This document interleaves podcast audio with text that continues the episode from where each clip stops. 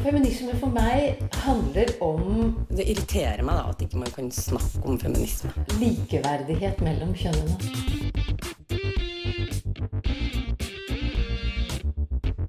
Det blikket på kvinnen på film. handlet det om å bli tatt på alvor som jente. Du hører på Et eget rom på Radio Nova. Ca. halvparten av norske kvinner over 50 år vil oppleve ett beinbrudd pga. beinskjørhet. Og omtrent like mange kvinner har symptomer på premenstruelt syndrom. Sammen med brystkreft, livmorhalskreft og fødselsdepresjoner er disse tingene typiske ting som kvinner rammes av.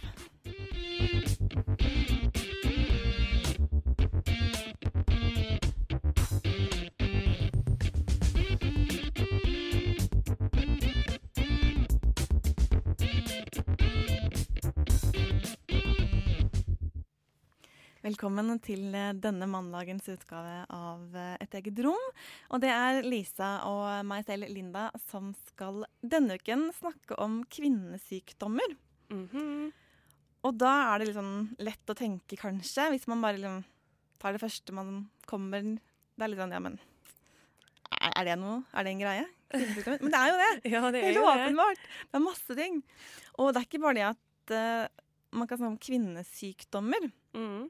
Men kvinner i helseforskning og den medisinske historien er jo egentlig også et tema som er veldig stort, men som ikke rekker Ja, altså hvordan kvinnesykdommer har blitt tatt seriøst oppover i historien, på en ja, måte. Ikke bare det. Eller blitt oppdaga, på en måte. Uh, man vet i dag Ja.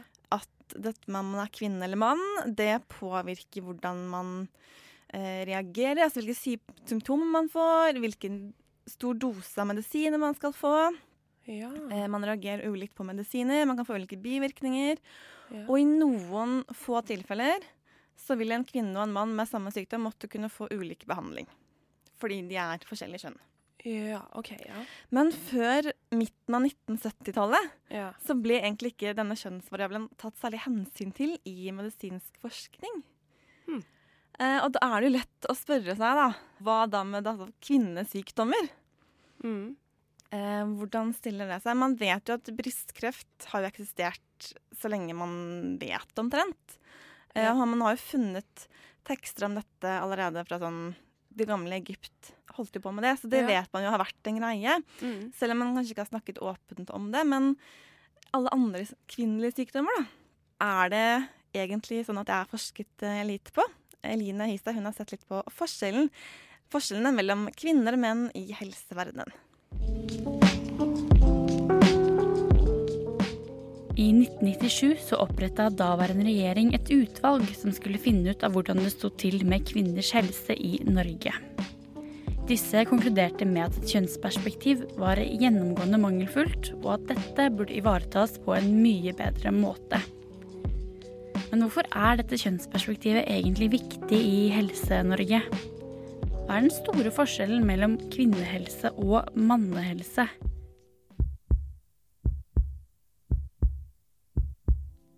For å begynne ett sted der kvinner og menn er ganske forskjellige, la oss se på hjertet. Professor i forebyggende medisin ved UiT, Maja Lisa Løken, og Eva Gertz, som er professor i klinisk institutt på UiB, skrev i 2015 boka 'Kvinnehjerter en fagbok om vanlige sykdommer'. Totalt sett, sier Løken, er det faktisk hjertesykdommer som dreper flest kvinner i Norge. Og vi vet ganske mye om hvordan kvinner og menns hjerter skiller seg fra hverandre, men det vi ikke vet så mye om, er diagnose og behandling av kvinners hjertesykdom.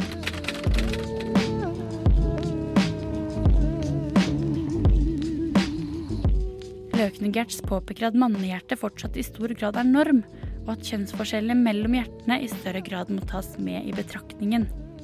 Knust hjerte og stress, som selv om det høres helt useriøst ut, faktisk er en mye vanligere årsak for hjerteinfarkt hos kvinner enn menn, bør f.eks. forskes mer på. Det poengterer også at det bør inkluderes like mange kvinner som menn i studier, selv om det gjør det vanskeligere å få klare og ensarta resultater. Om forskningen er gjort på menn, så er også medisin og behandling retta mot menn. Regjeringens nettsider kan melde om at det i 2001 ble utvikla retningslinjer for medisinsk forskning som sier at begge kjønn må inkluderes med mindre det er spesiell grunn for å la være. I 2004 så satte Statens institutt for rusmiddelforskning i gang et prosjekt om kvinners bruk av rusmidler. I 2006 ble Nasjonalt kompetansesenter for kvinnehelse opprettet. Og kompetansetjenester for amming, gynekologi, svangerskap og revmatiske sykdommer er også vektlagt i større grad nå. Det er også skissert opp flere tiltak retta mot jenter og eldre kvinner med minoritetsbakgrunn.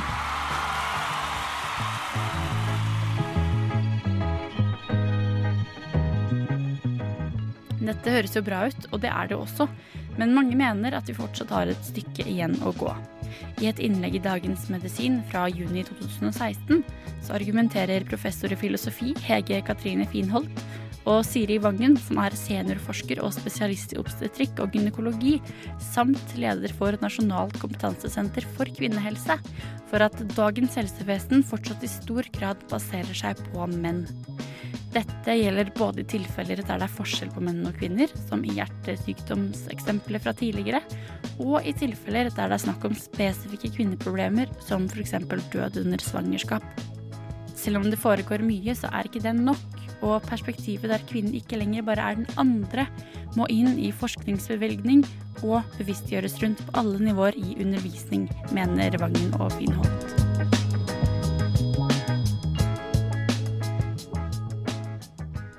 Eline Hystad var det som eh, kom med litt sånn påminning om at vi må fortsette å forske på kvinnesykdommer. Det er viktig for alle. Det, man kan jo si sånn at én sykdom som påvirker én av familien, påvirker jo hele familien. Ja, men de gjør jo det. Sånn at uh, man må passe på å ta vare på både kvinner og menn og deres uh, helse. Ja. Endometriose, det Ja. har plutselig begynt å dukke opp Litt sånn rundt omkring. litt rundt omkring. Ja, både på når vi snakker litt i vennegjenger, typ i alle fall i min vennekrets har det begynt å dukke opp litt, men òg litt sånn på sosiale medier og sånn. Eller ikke så veldig mye, men bare bitte litt. Trine Aarvold ved Sex og Samfunn hun kan litt om det her. Har satt seg litt inn i det, og er veldig opptatt av at det her må man spre kunnskap om. Jeg må innrømme at jeg måtte øve på å si det ordet. Jeg synes det er utrolig vanskelig å si dette ordet. Eh, Trine kommer straks inn her til oss for å lære oss litt mer om eh, denne sykdommen. Mm. Men før det så skal vi få litt eh, norsk punkrock. Slutface her.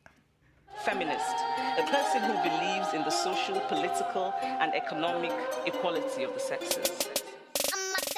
Eget rom. Et eget rom. Et Eget rom. Et eget rom. Et eget rom.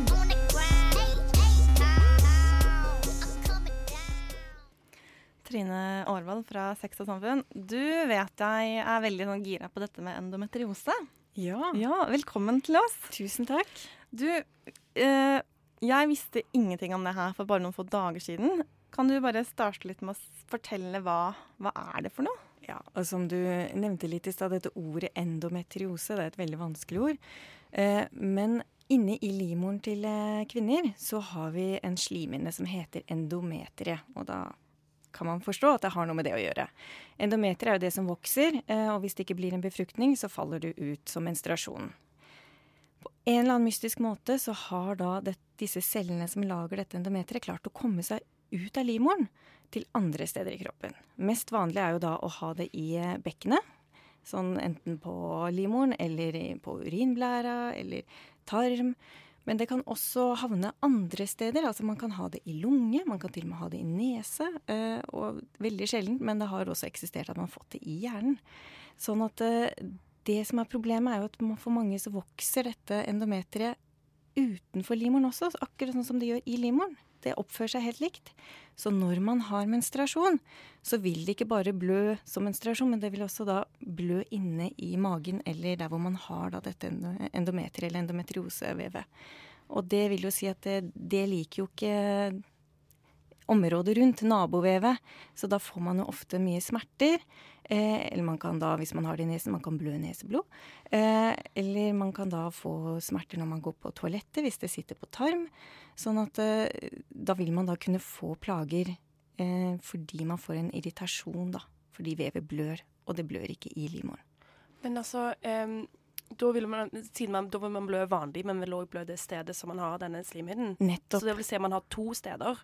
Absolutt. Så man man har, ja. ja. man har jo det vanlige altså endometeret i livmoren. Ja. Og i tillegg så har det da kommet noen celler på avveie. Og de cellene vil jo oppføre seg som om de er i livmoren. Så når man da har eh, menstruasjon, så har man ikke bare menstruasjon i livmoren, man har det også på andre steder i kroppen. Men er det her en kronisk sykdom som man da får? Det er en kronisk sykdom, ja. Så, og det er jo litt problemet med det. Det er ingen eh, fantastisk god behandling, eh, men det er en del lindrende behandling. Og for noen så blir man også kvitt plagene til en viss grad, altså. Men hva er, det, hva er symptomene på at man har det? Ja, og det er jo nettopp det som er litt problemet. Eh, for de aller fleste er det jo ekstreme smerter ved, ved menstruasjon. Mm. Noen kan også få kroniske smerter fordi eh, det blir laget arrvev, da, fordi det blør hver menstruasjon. Og da kan man jo f.eks. ha smerter i magen hele tiden. Man kan også ha smerter når man går eh, og har avføring, hvis det er på tarm. Mm. Eller hvis det er på urinblæra, så kan det gjøre vondt når du tisser.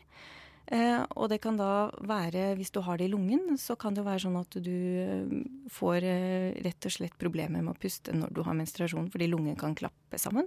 Så det er veldig forskjellige symptomer, og det gjør jo også at det er litt vanskelig for veldig mange å tenke på endometriose, fordi det kan være litt diffust. Mm.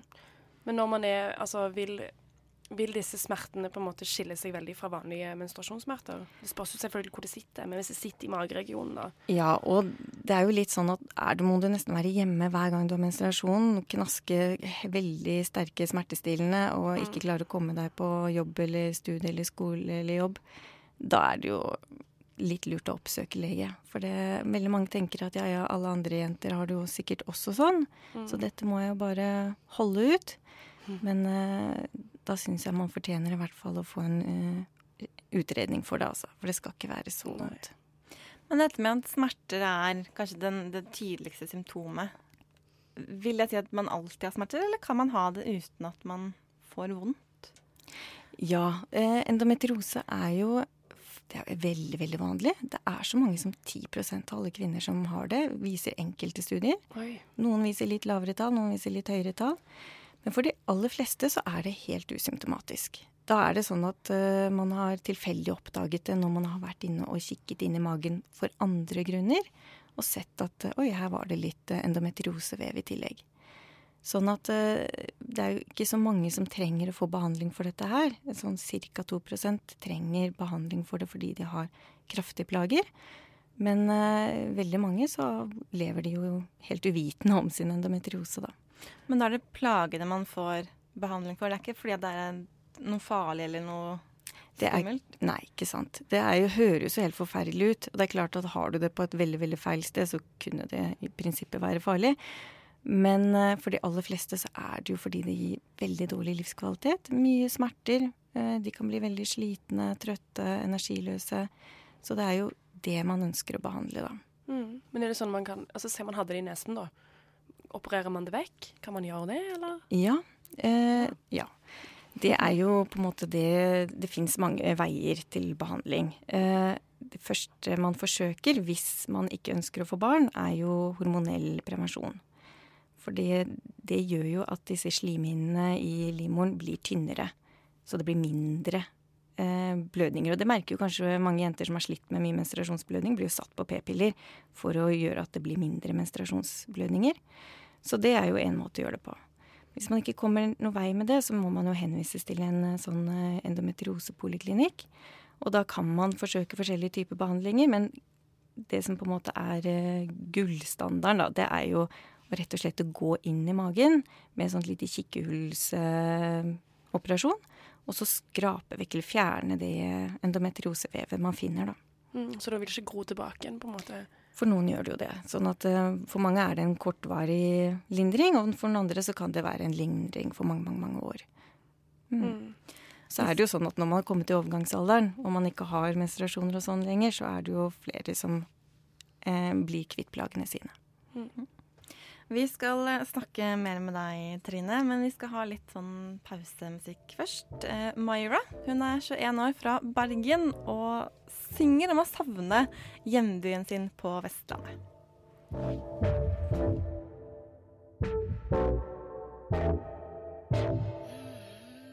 Myra er det som synger 'Hold an'. Og da er det Bergen som hun vil holde på. En litt sånn ung ja, ung rapper. Soul, hiphop, et eller annet. Egen greie. Eh, som flyter av gårde sånn i bakgrunnen. Et eget rom med Lisa og Linda på Radionova. Det er der du er nå.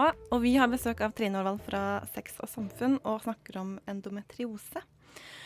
Og før vi hørte det her, så snakket vi litt om at man kan få smerter når man har endometriose. Men er det andre ting som, som påvirker, eller som man kan få plager med?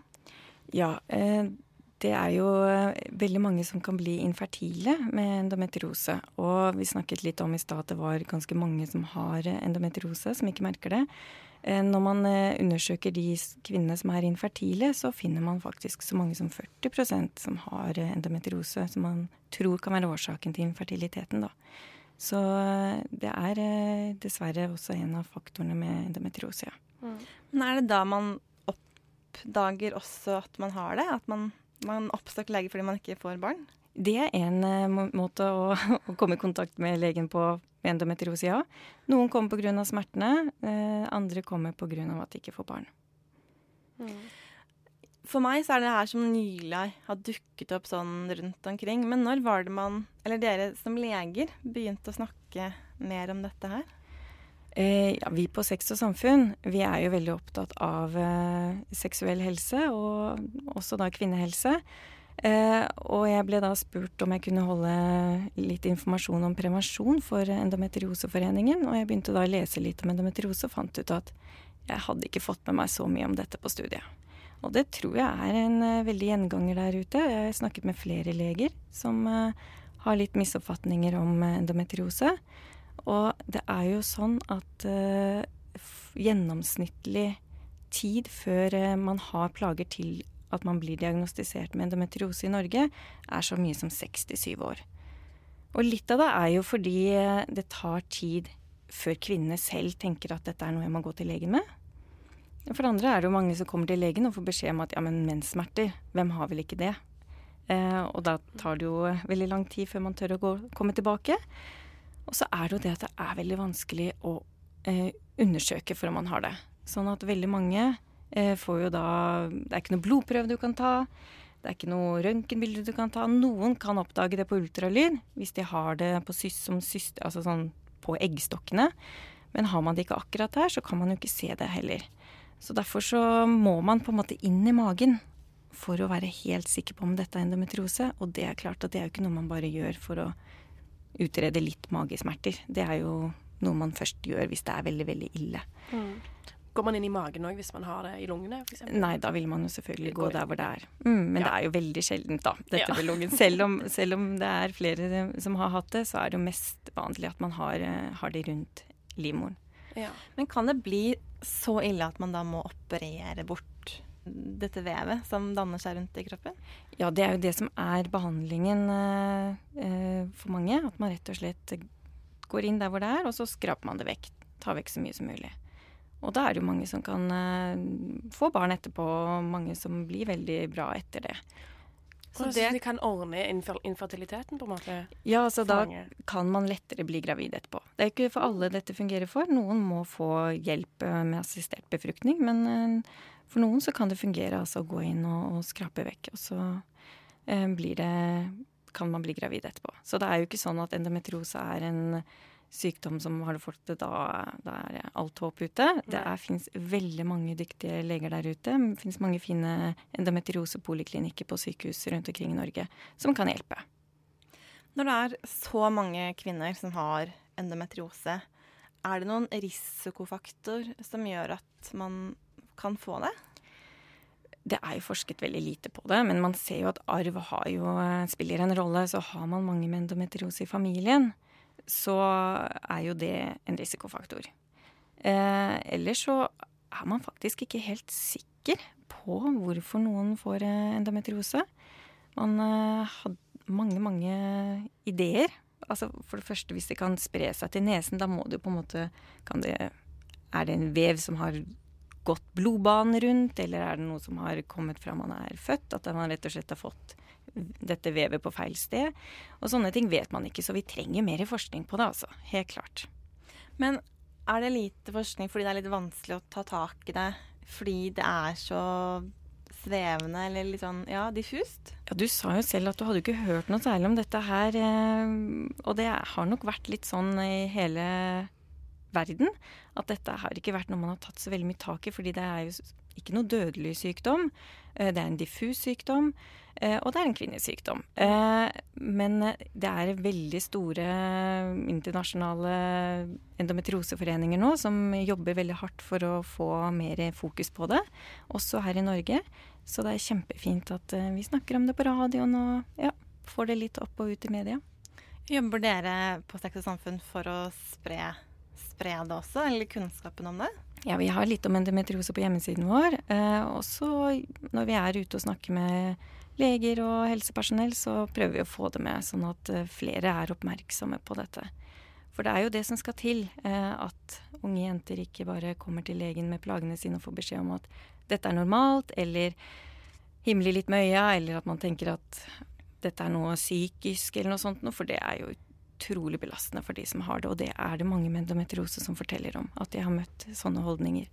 Og det er vi veldig, veldig sinte for. Eh, og vi, vi, ønsker da at eh, helsepersonell også skal få mer informasjon, og at eh, kvinner der ute skal få mer informasjon. For Har det vært sånn litt sånn tradisjonelt? At man gjerne har fått den holdningen til type kvinnesykdommer, kanskje? Blitt møtt med det, da? Ja, altså Det er vanskelig å si, men det er hvis man ikke har noe kunnskap om det, om noen kommer og klager over menssmerter, så er jo det veldig vanskelig å måle. Ja.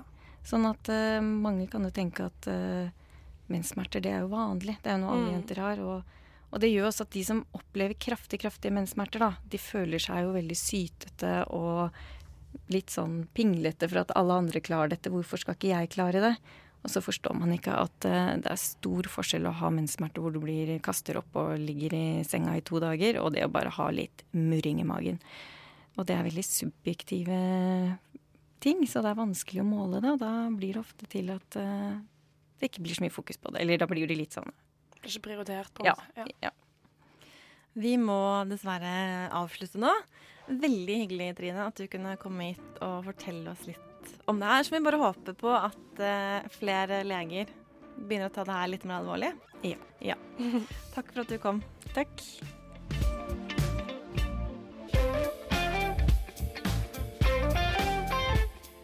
I Was Before hører du her Fixation, Oslo-band fra 2015. Inspirert av litt afroamerikansk populær musikk. Det her er andre låta deres. I think Uh, anyone who's not a feminist is is an insane person. Is an insane person. Is an insane person. Is an insane person. Du hører på Et eget rom. Det gjør du altså med Linda og Lisa her på Radio Nova. Og nå har vi nettopp snakket litt om endometriose, og at det har dukket opp i bevisstheten eh, til folk rundt omkring. En annen ting som har dukket opp eh, den siste tiden, det er Zika-viruset. Som i stor grad påvirker kvinner, og da særlig gravide kvinner. Og det har Sofia Fischer. Hun har eh, sett litt nærmere på dette viruset.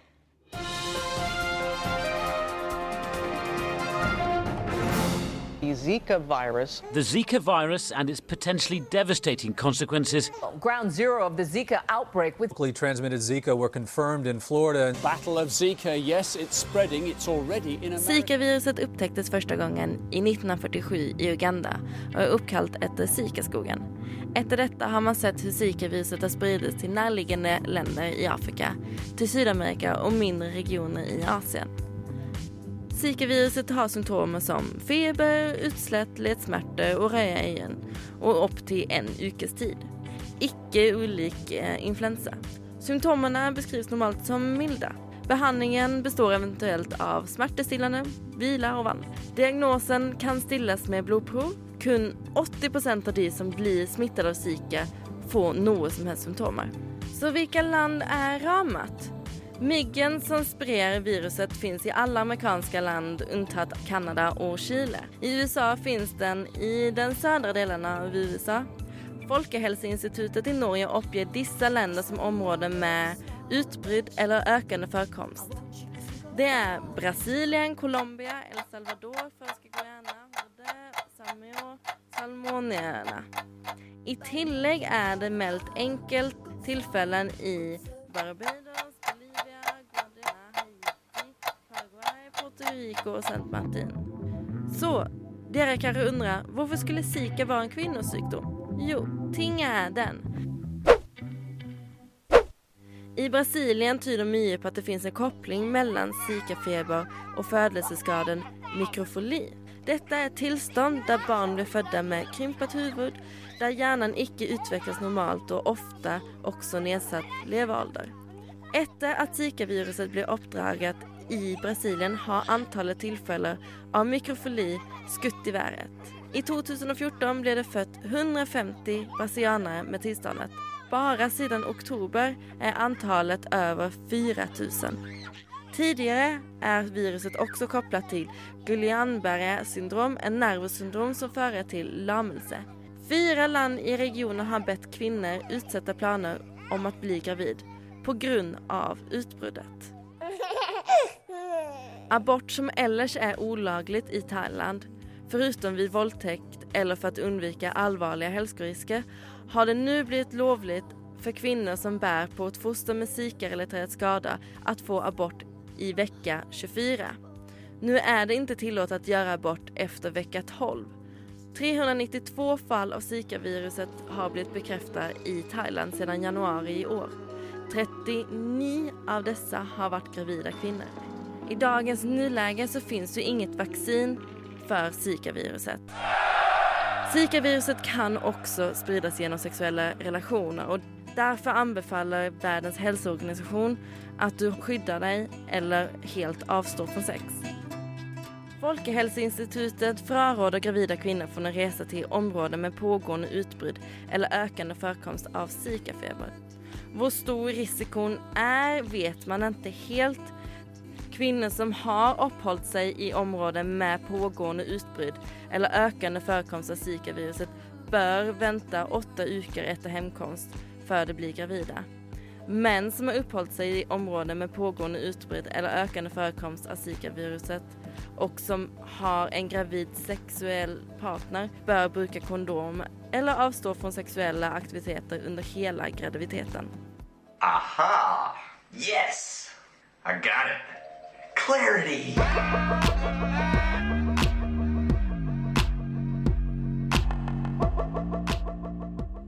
Sofia Fischer var det som hadde ja, fordypet seg litt. Gitt oss litt mer kunnskap om Zika-viruset. Mm, jeg visste ikke at det var en kvinnesykdom, eller kan bli sett på som en kvinnesykdom. Det, ja, det er jo det at det, særlig gravide Får det. Er utsatt. Ja, er utsatt for å få det. Mm. ja. En annen ting som veldig mange kvinner plages av, og det har vi allerede nevnt noen ganger, det er dette med plager rundt menstruasjon. Ja. Eh, og man sier at alle har det, og det er, altså, det er mye sannhet i det. For det er 85% av alle kvinner regner man med har noen form for plager. Men det er jo langt ifra alle. Bitte litt langt ifra alle. Bitte litt eh, langt For det er så vanlig å si at det er PMS, eller? Ja, men sant? altså, det er en sånn eh, Hva skal jeg si? Altså 50% har ett eller flere symptomer på PMS. Mm. Eh, det betyr ikke at man er veldig plaget av det. Ca. 10% oppsøker en lege fordi de har store plager. Ja. Men det er ikke mer enn 5% som er såpass plaget at det, altså, det virkelig påvirker livet ditt Såpass radikalt. mye. da. At det kan enten være smerter, altså i form av på en måte tidlige mensensmerter, eller at det kan være at man på en måte blir helt Ja, at man virker som man er en annen person fordi man blir lettere irritert og sint og Ja. griner mye og Det er både fysiske og psykiske plager. Mhm. eh, og ja, det tror jeg veldig mange både, har begge deler, da. Det er den der med at de er litt irritable, man kan være litt oppblåst, man har litt vondt. Ømmepupper. Ja. Man er Mhm. bare ikke helt seg sjøl pga. de hormonene som bare fiker rundt i kroppen. Ja, man merker det litt, men samtidig så er det litt sånn Ja. Men det er altså kvinner i alderen 30 til 40 år som har størst sannsynlighet for å bli plaget av PMS. Det er faktisk ikke jenter i 20-årsalderen eller tenårene. Altså, det kan skje, selvfølgelig kan det skje, men det er ikke de som er mest utsatt for å få det. Nei. Og man vet faktisk ikke helt hvorfor man får det, eller hvor det kommer fra. Det er ikke noe sånn hokus pokus-kur som kan hjelpe deg med det, annet enn smertestillende Mm. eh, trening. Nok søvn er visstnok det viktigste. Så det kan utvikle seg, dette her? Det kan utvikle seg, ja. At man, hvis man har liksom tendenser til sterke smerter som ung, så kan det bli verre etter at man fyller 30. Oh. Og så forsvinner hun når man, eh, eller sånn, man bikker 40. Det som er at symptomene kan variere fra gang til gang. Det er ikke nødvendigvis det samme. Eh, men det, altså, det er slik at noen får såpass store psykiske plager at de Altså det er en veldig vanlig medisinering, det er lykkepiller. Eller antidepressiva. Det forstår jeg veldig godt. Eh, Nei da, liksom, ja. Men man har, har jo litt erfaring med det sjøl. De fleste har jo kanskje litt erfaring med det sjøl når det er 85 av kvinner som Ja. har hatt noen symptomer en eller annen gang. ikke sant? Mm. Så jeg kan se for meg at det er det, det, det som er behandlingen. Ja. For ting er jo litt sånn mørkt av og til. Ja, men det er, det, jeg tror det er ganske mørkt for noen. Ja, veldig. når du Altså, må ikke, altså veldig mørkt. Ja. Jeg sitter ikke her og sier at ja, det kan du gjøre, men, men ja. Ja, og jeg tenker at det er kanskje det samme som det med endometriose. Man tenker at det er bare menssmerter. Det er her man Ja. tåler litt. Men det er jo ikke det. Det er så, det er så mye mer enn bare menssmerter. Det er så mye mer, eh, så dere, kunnskap ut til alle. Eh, litt mer sånn rappaktig hiphop. Eh, det blir sagt at en, det er en musikalsk kombinasjon av After Eight og Tutti Frutti. Den siste er det som eh, synger her på Radio Nova i et eget rom. Breath, breath Vanskelig ord. Eh, blanding av pop og litt jazz og litt soul og litt hiphop og litt, det meste, egentlig. Spennende dame mm, fra Oslo. Hun har gjort sinnssykt mye allerede. Sånn koret og sunget for andre. Ja. Spennende at hun gjør sin egen eh, greie. En uh, ting som man noen ganger hører litt om, det er dette med fødselsdepresjoner. Ja. ja. Uh, jeg hadde ikke, det er ikke noe som det er sånn veldig mye fokus på det heller, føler Nei. jeg sjøl. Men um, har dukka litt opp på Facebook av og til innimellom. Men jeg har iallfall prøvd å finne ut litt om hva dette her er for noe. Og det er sykt mye forskjellig informasjon. Eh, nå har jeg bare tatt utgangspunkt i Helse-Norge sin hjemmeside og nhi.no, altså Norsk helseinformatikk. Um, fordi at noen sier at det, at det er en depresjon som inntreffer i forbindelse med fødsel. Eh, mens det er noen som sier at det er en samlebetegnelse på depresjon under eller etter svangerskap. Um, men altså, det virker jo som at det har iallfall med fødsel og, og, og baby å gjøre, på en måte, og det å være gravid. Um, så det viser jo Det nyere data eh, står der på disse nettsidene. Nyere data viser at ca. en tredjedel av alle depresjoner etter fødsel starter under svangerskapet. Sånn at um, ja, at de viser en, at de starter under svangerskapet, så derfor blir det mer sånn under svangerskapet fødselsdepresjon. Det er jo ikke så rart, da. For man blir jo litt sånn rar eh, når man er gravid. Det er Ja. ganske mye som skjer i kroppen, og det er mye hormoner da også. Ja, altså de tror Forskerne, det er noen forskere som tror at raskt fall i nivå av hormoner etter en fødsel kan bidra til utviklingen av en depresjon. Særlig hos måte mot, altså særlig mottagende kvinner, da. Ja. Sånn at det er både under svangerskapet, men kanskje aller mest rett etterpå. At det kanskje da risikoen er størst, siden eh, hormonnivået bare kaboom rett ned i bakken, på en måte. Det her visste jeg Jeg visste ikke at det kunne starte før fødsel. For man tenker, man har en sånn tanke om at når man er gravid, så er alt veldig bra, og man bare gleder seg, men så vet man jo selvfølgelig er det ikke alltid sånn. Det er mange som har plager i- under graviditeten også. Ja. Men jeg trodde ikke at man kunne, bli, at man kunne få depresjoner i den tiden. Jo, det, man kan jo det. Det kan man få, på en måte, tenker jeg alltid. Ja, ja. Uh, altså, de, men de sier jo da at det er um, Det blir sett på å være en fødselsdepresjon hvis det kommer seks uker etterpå, eller innen den tid, da. Men så sier de òg at, uh, at man vet at, at uh, man har størst risiko for å få det rundt seks måneder etterpå. Så du, å ja, så du kan liksom ha det egentlig ganske fint, og så Ja. plutselig så bare får du en depresjon knyttet Ja, Det er store variasjoner her, så det er ikke noe fasit på hvordan det det er ligger. skummelt, da. Det er det. Og det er jo symptomene, symptomene er jo sånn som med alle vanlige depresjoner, på en måte. At det er nedtrykthet, gråt, du klarer ikke å glede deg over ting. Kanskje òg spesielt at du har fått en unge, klarer ikke å glede deg over det. Og det kan jo òg føre til at eh, du, du føler på, på mye skyldfølelse og skam og sånn som det. Og det er jo Det skal jo ikke være sånn, tenker du da. Og det måte det er så mye forventninger om at dette skal være den beste tiden i hele livet ditt, og så sitter du der og er deprimert. Ikke sant? Ja, Så- for det er vel når det dukker opp, opplever jeg Det er jo når man skal liksom si sånn at jeg fikk et barn, og det var ikke så bra som alle ville at det skulle være. Ja. Det er jo ikke noe kjekt å si det. Nei. Men det er jo Det er helt greit, på en måte. Det, det er viktig å få fram det, at det er forholdsvis vanlig, og at det kan skje. Og at man kanskje kan prøve å forberede seg litt på det, hvis man iallfall vet om at det kan skje. Så blir det kanskje litt bedre. Jeg vet ikke.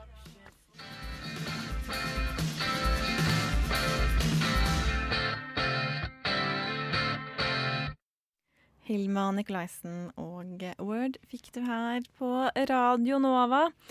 Og vi snakker litt om kvinnesykdommer her i Et eget rom denne mandagen. Og en sykdom som mange hører om, som man forbinder med gamle mennesker, det er osteoporose eller beinskjørhet. Og 80% av dem som blir rammet, det er kvinner. Ja. Ja. Ja. Ja. Mm. Åpenbart en kvinnesykdom. Ja. Ja. Det er beregnet at ca. halvparten av norske kvinner de kommer til å få minst ett beinbrudd knyttet til det her, og så er det én av fem menn. Det er ganske stor forskjell. Ja, det er jo det. Og det er faktisk litt vanskelig å måtte, vite at man har det. Altså, man finner det som oftest ut ved at man har eller får et beinbrudd, eller at man blir veldig sånn krum i ryggen fordi ryggsøylen begynner å liksom, liksom kollapse litt, eller den klarer ikke å holde, holde ryggen oppe. At man går litt sånn At Man blir veldig sånn krumbøyd, og man synker litt i høyde. Litt sånn som gamle damer. Ja. Sånn som gamle damer veldig ofte blir. Mhm. Ja. Og det som hvis man får tidlig sånn overgangsalder Ja. For det er knyttet til tap av østrogen. Ikke sant. Særlig for kvinner, da. Mm. Så hvis man får tidlig overgangsalder, at man starter liksom tidlig i 40-årene, så har man større sannsynlighet for å få beinskjørhet som gammel dame. For da, tar, da får det lengre tid å utvikle seg på. Hvis man mister østrogen tidligere, så kan på en måte Ja, Ja. mest sannsynlig. Mm. Man kan få medisiner for det, men eh, brukes stort sett bare hvis man er i den høyrisikogruppen da, for å, få, for å få brudd. Og hvis man får det tidlig, eller hvis man er i tidlig overgangsalder, så kan man få noen piller for å både forebygge. Men det gir økt risiko for blodpropp og brystkreft, så egentlig så man ikke lyst til å gi disse pillene. Så det er kun Mm. sånn idet man må det er i overgangsfasen, eller ja, ja. Og hvis man da har den litt tidlig, at man kan forebygge. Og da tror jeg du bare går på piller i sånn fem, maks ti år. Mm. Eh, og så må man bare bruke kosthold og trening for å prøve å forebygge videre. Sånn at hvis du vil først forebygge, så kan det være at du får blodpropp og, og dør av det, eller brystkreft og dør av det. Eller så kan du få beinskjørhet. Ja, så grunnen til at man kan få blodpropp, er jo fordi at det er veldig knyttet til østrogen. Ja, men når p-piller å- Når du pøser inn i kroppen, så, så er det selvfølgelig det en risikofaktor. Ja, det kjenner vi jo fra p-piller og sånn, så det Ikke sant. Mm. Nordmenn de er blant de som er hardest rammet, og altså dem som har forsket mest på dette her. Eh, og de har også brukt genteknologi for å få bein til å gro.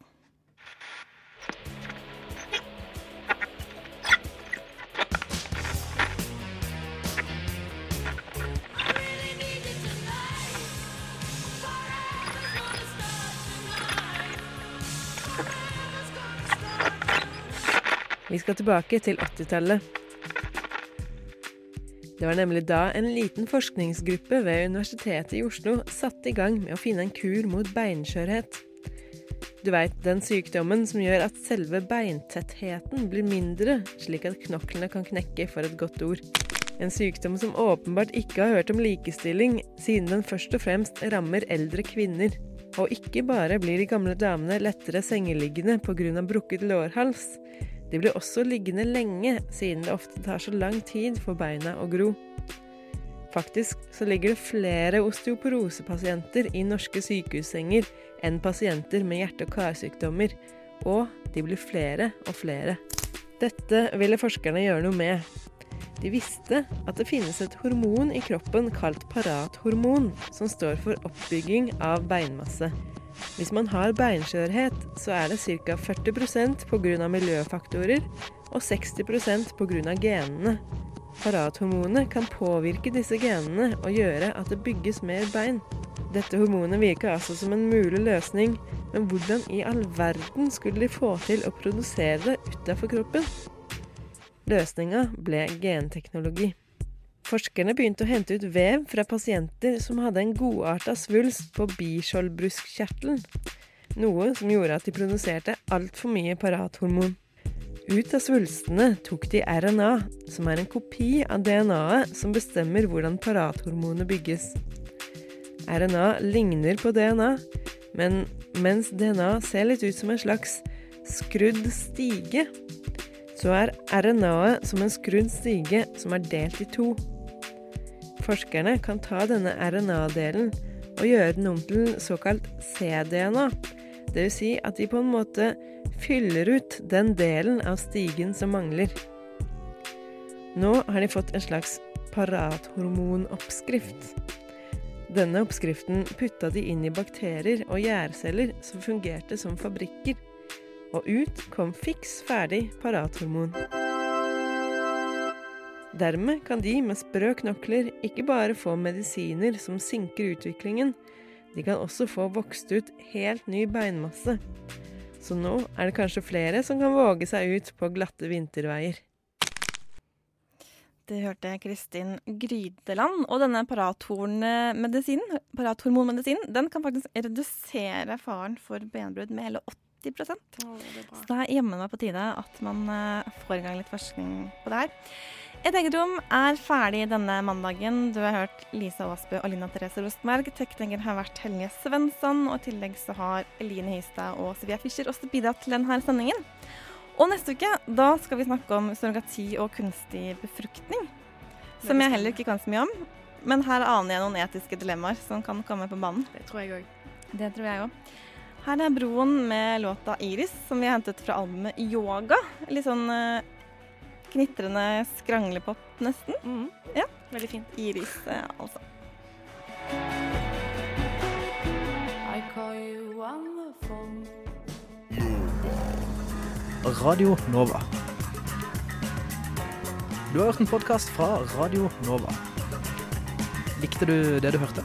Du finner flere podkaster i iTunes og på radionova.no.